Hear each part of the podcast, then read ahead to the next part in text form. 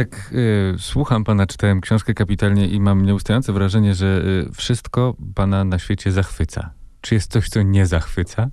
No pewnie. To nie to, że wszystko, tylko y, ja myślę, że więcej y, rzeczy może nie zachwycać niż zachwycać, tylko y, ja myślę, że od nas zależy, czy chcemy utrzymać w sobie taką dominację energii pozytywnej czy negatywnej. Bo naprawdę to wszystko od nas zależy. Możemy na przykład słuchać samych wiadomości negatywnych, co niesamowicie osłabia. Osłabia, bo jak człowiek jest mało pozytywny, mało się śmieje, to ja myślę, że bardzo szybko popada w jakieś choroby również. Tym bardziej, że osłabiamy się bardzo często sytuacjami, na które nie mamy żadnego wpływu. I to to już jest destrukcja, która nie ma żadnego, autodestrukcja, która nie ma żadnego uza, uzasadnienia.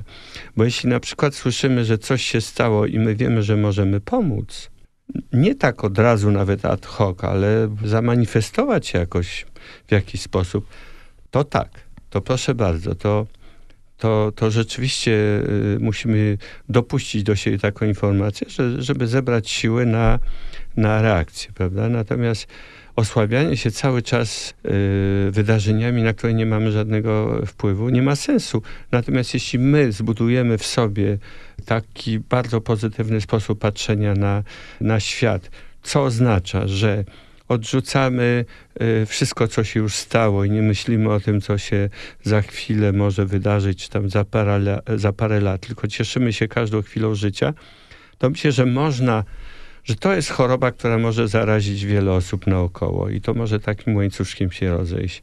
Tylko to trzeba po prostu świadomie robić. A jak już coś wkurzy, to próbować to poprawić. Oczywiście. I pan tak robi, na przykład w, przy okazji różnego rodzaju kampanii wyborczych, zachęcając wszystkich do głosowania. Wkurza pana niska frekwencja w Polsce? Wkurza mnie bardzo.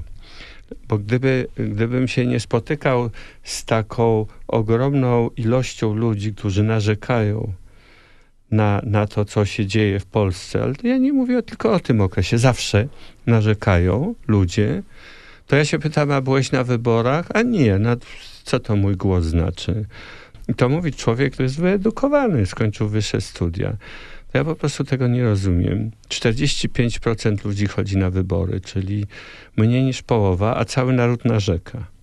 No więc zróbmy coś z tym. Ja teraz po prostu chcę zrobić wszystko, żeby co jest w mojej mocy oczywiście, a moc jest taka, y, może nie największa, ale jeśli ludzie mnie poprą, to może to ta cała akcja urośnie. Mianowicie filmuję ludzi pięciosekundowo, prosząc ich, żeby zrobili coś głupiego, po czym otrząsnęli się i powiedzieli do y, iPhone'a, bo ja to robię specjalnie prostym narzędziem, żeby każdy z nas mógł to potem zrobić i podobną rzecz i proszę go, żeby powiedział, nie wygłupiaj się, idź na wybory.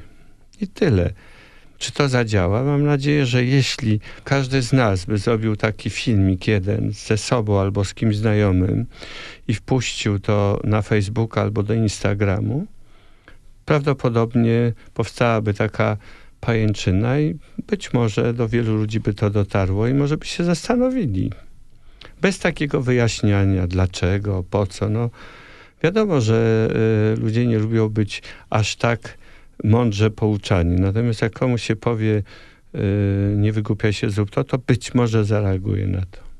Dziękuję bardzo za rozmowę. Dziękuję.